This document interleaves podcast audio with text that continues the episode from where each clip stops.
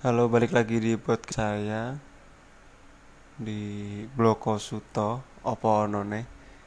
Jadi di sini saya bercerita Bloko Suto Opo Onone kecuali nama tokoh. Karena untuk melindungi privasi dari tokoh dalam podcast saya ini demi kenyamanan hidup mereka masing-masing lah.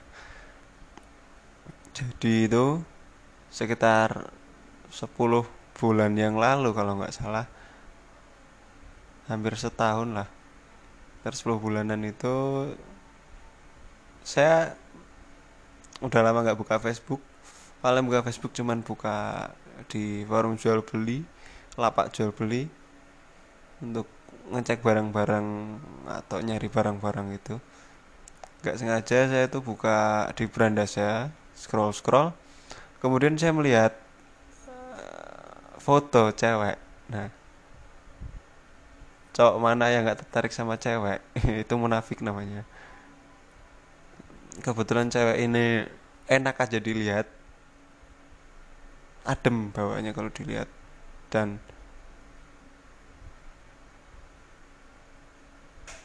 tak lihat di profilnya itu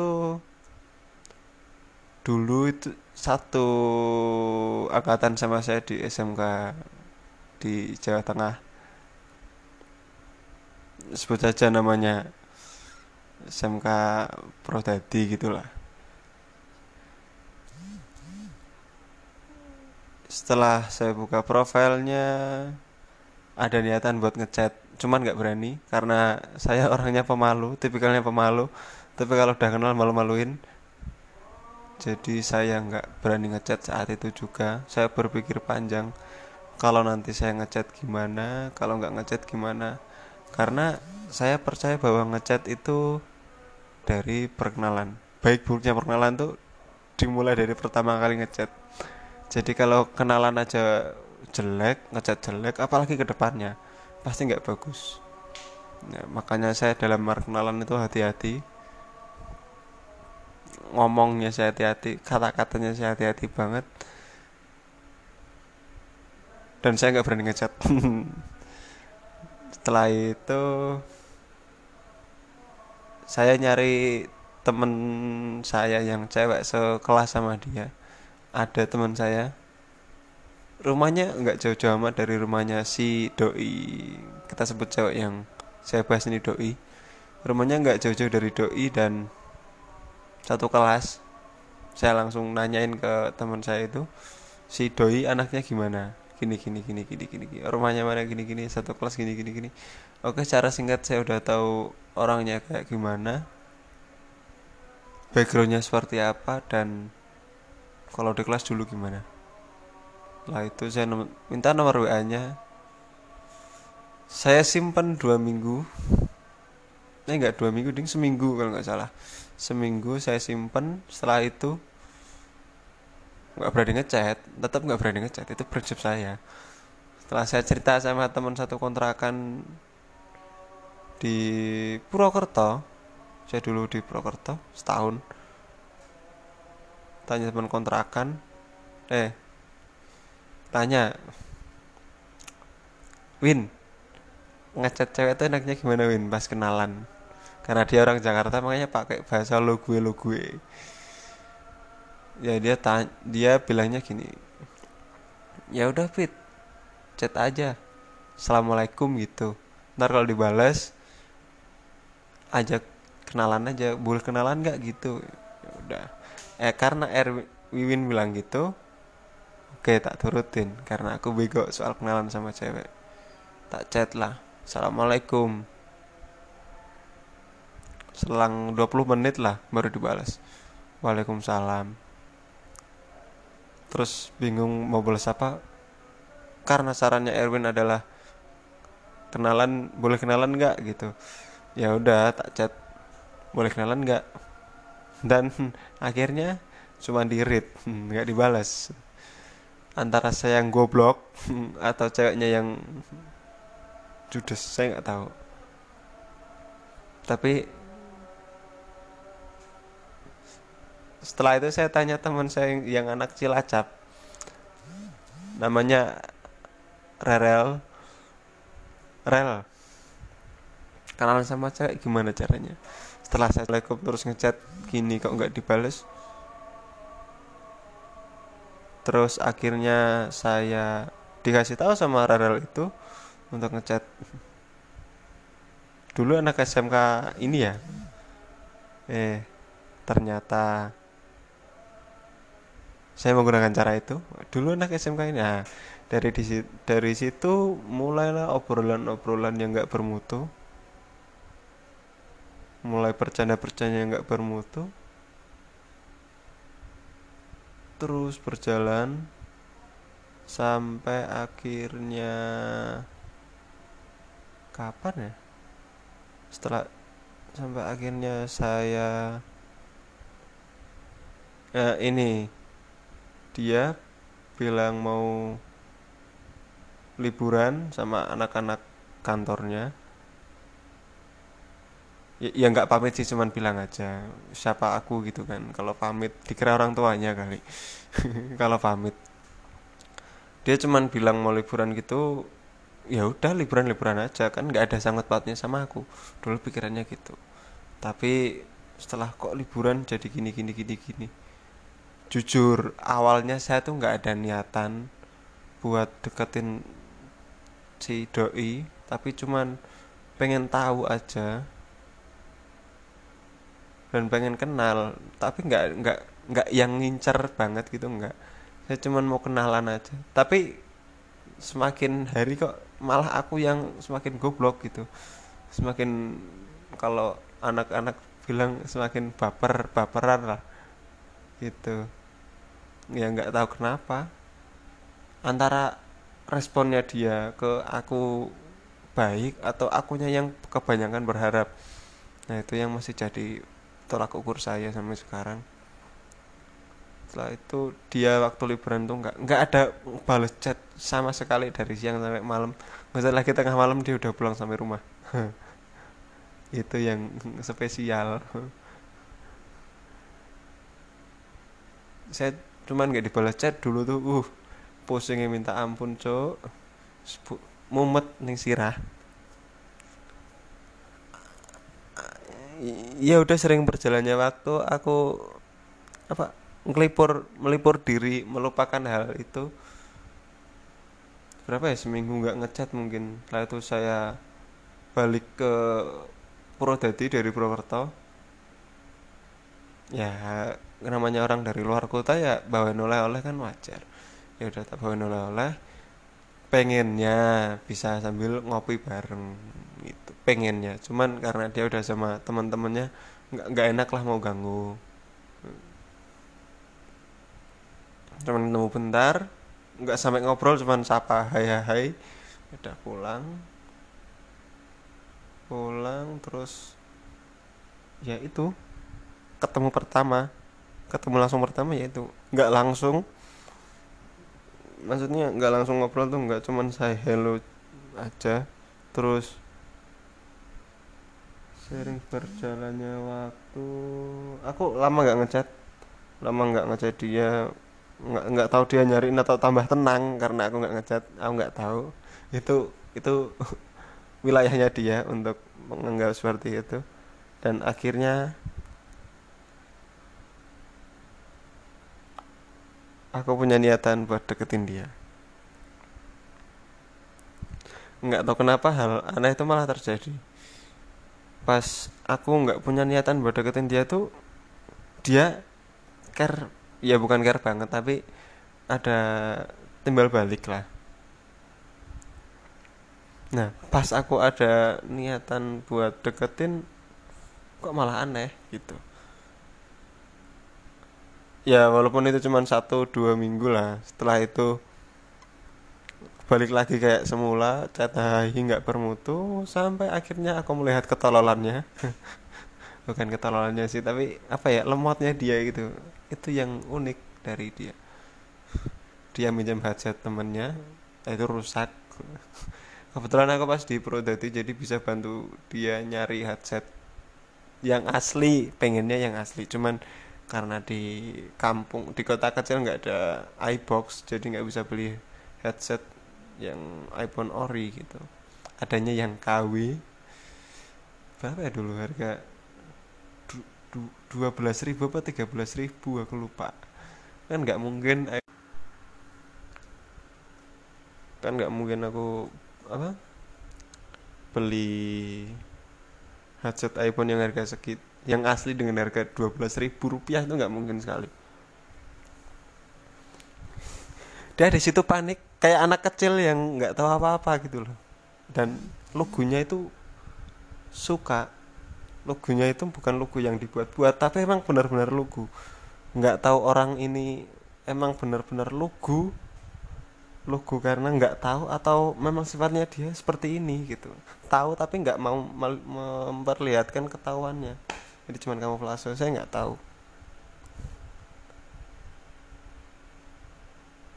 Setelah itu aku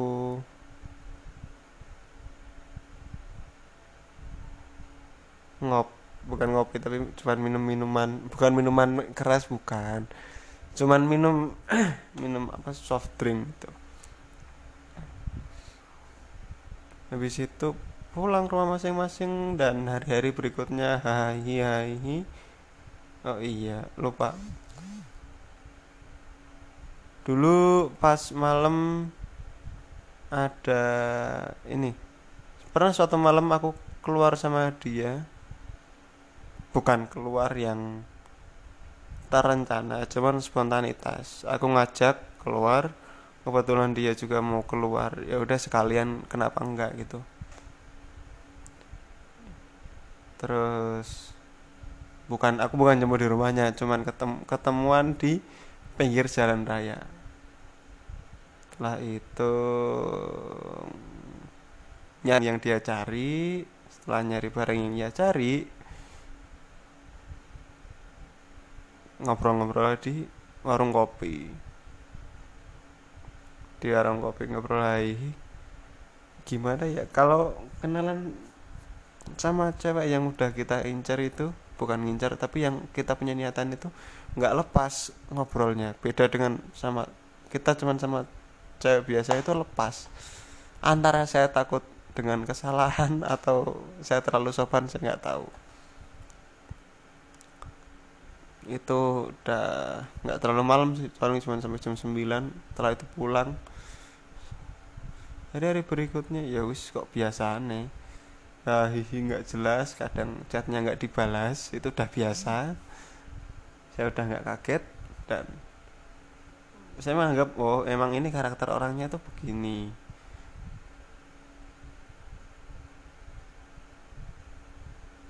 Sampai hal yang nggak tak duga itu nah mungkin kalian pernah dengar namanya Cak Nun.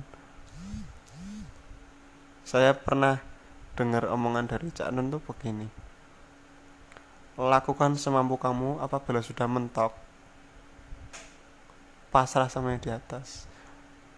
Nah dalam saya bukan berharap banyak sama doi tapi saya gini ya.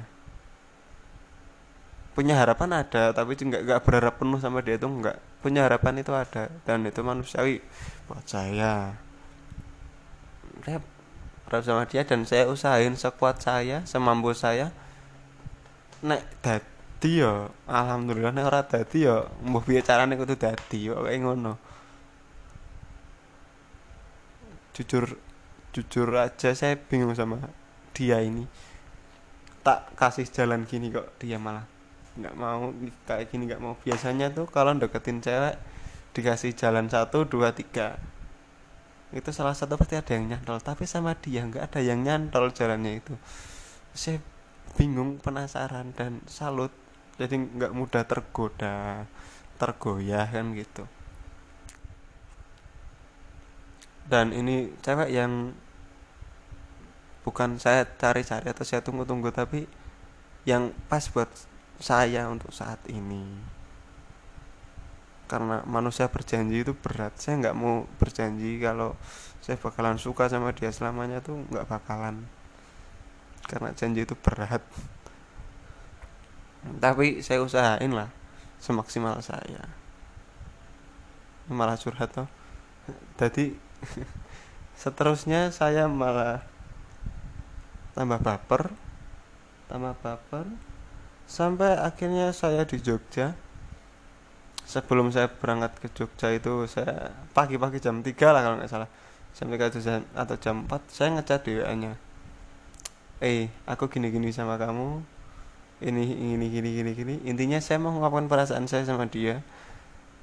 Karena saya takut jawabannya. Siap sih siap sama jawabannya tapi takut parno gitu. Saya ngeblok WA nya terus itu hal yang paling bodoh buat saya. Dengan saya ngeblok itu saya merasa rugi dua kali.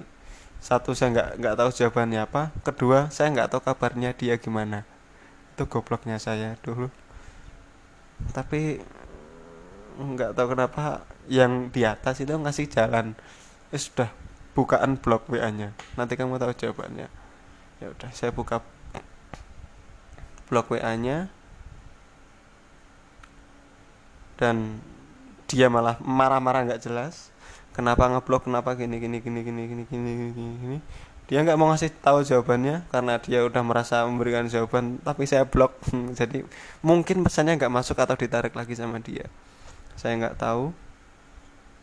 Itu malam-malam malam-malam tambah malam. Mungkin dia ngerasa apa ya bukan ngerasa bersalah tapi ngerasa bertanggung jawab untuk menjawab gitu. Dia ngejawab gini gini gini gini. Dan yang saya khawatirkan pun terjadi yang saya khawatirkan pun terjadi saya bukan istilahnya bukan gagal cuman depending jawabannya itu cuman depending jadi dia belum memberi jawaban yang jelas yang iya atau enggak tapi meru, me, menuju ke yang enggak dengan alasan adalah alasannya. Yang pasti alasan yang masih bisa di tolerir lah toleransi bisa masih bisa. Karena itu masalah kepercayaan masing-masing individu sih. Nah di titik itu saya merasa paling down ketika saya dekat sama cewek saya belum pernah seperti itu. Atau mungkin ini apa ya pelajaran buat saya bahwa nggak semua cewek itu begini loh jadi bukan bukan saya merendahkan cewek bukan tapi kebanyakan saya deketin cewek itu jujur yang saya deketin sebelum doi. Orangnya cantik-cantik. Bahkan famous di kalangannya masing-masing. Tapi nggak tahu kenapa saya masuk ke yang ini gitu nggak sekarang. Dulu-dulu saya dapetin cewek bukan dapetin sih maksudnya ketemu sama orang itu yang cewek itu yang mudah easy going yang enak lah pokoknya. Istilahnya tuh gampang tapi bukan gampangan yang negatif bukan tapi ya segitulah. Easy going pokoknya. Sama yang sama ini enggak saya malah tambah tertantang gitu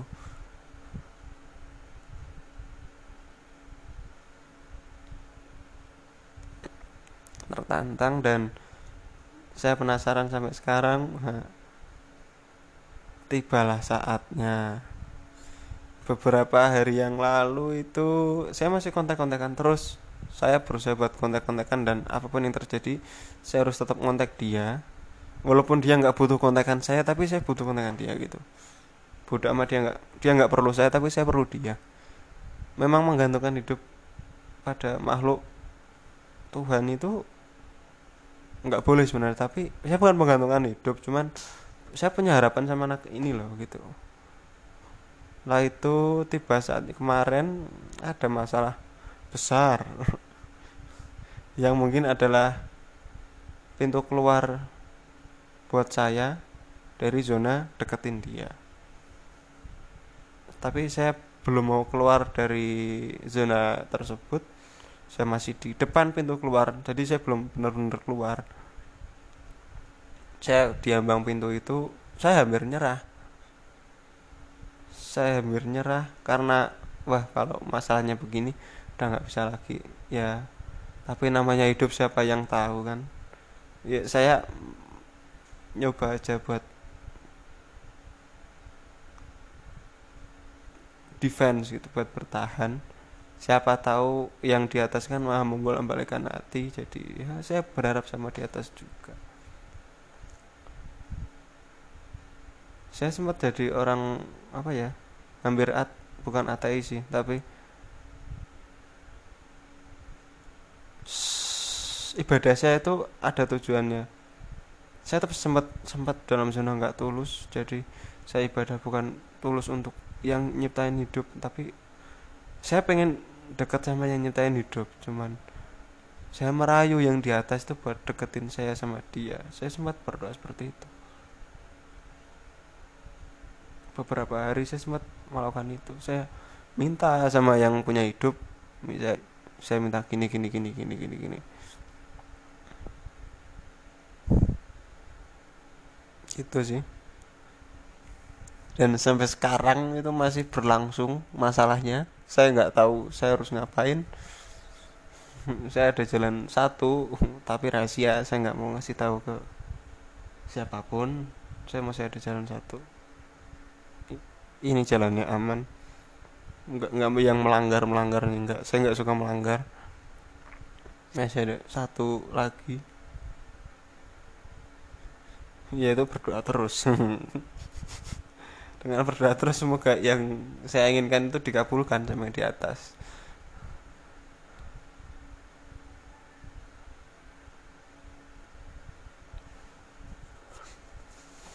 Dan dua hari ini bukannya saya lemah karena cewek tapi emang cewek itu membuat lemah. Dulu waktu saya belum deket sama cewek itu saya enjoy malah saya dulu sering ngatain ah ngapain bucin ngapain bucin? Gitu ngatain anak-anak yang tiap hari teleponan ngebucin chattingan. Sementara saya leha-leha dengan menikmati dunia ini mereka sibuk dengan ceweknya masing-masing. Dan saya malah ada di posisi mereka. Saya yang menjadi budak cinta. Ya, entah cinta itu apa maknanya saya nggak tahu. Tapi kalau sama saya ini saya tuh nggak tahu apa alasannya saya suka tuh saya nggak tahu. Ibarat kata kalau dia telanjang pun saya tuh nggak nafsu. Jadi bisa saya pastikan ini respect saya ke dia itu bukan karena tanda kutip nafsu bukan. Nggak tahu kenapa alasannya. Ya saya suka ya udah suka. Mungkin cewek-cewek sebelumnya saya tuh punya alasan gitu buat suka sama mereka. Karena cantik atau pinter kan gitu. Ini nggak punya alasan buat saya punya alasan gitu. Ya mungkin itu yang bisa saya share ke teman-teman. Jadi intinya apa pun yang terjadi berusahalah sebisa kalian. Jika udah mentok pasrahkan yang di atas. Udah hidup itu tentang berusaha kok nggak tentang menang atau kalah. Dalam segala bidang. Oke. Okay. makasih udah mau dengerin podcast saya kali ini. Semoga bermanfaat. Dan manfaatnya apa saya nggak tahu. Saya cuman pengen buat hati saya plong. Udah itu aja. Demikian. Selamat melanjutkan aktivitasnya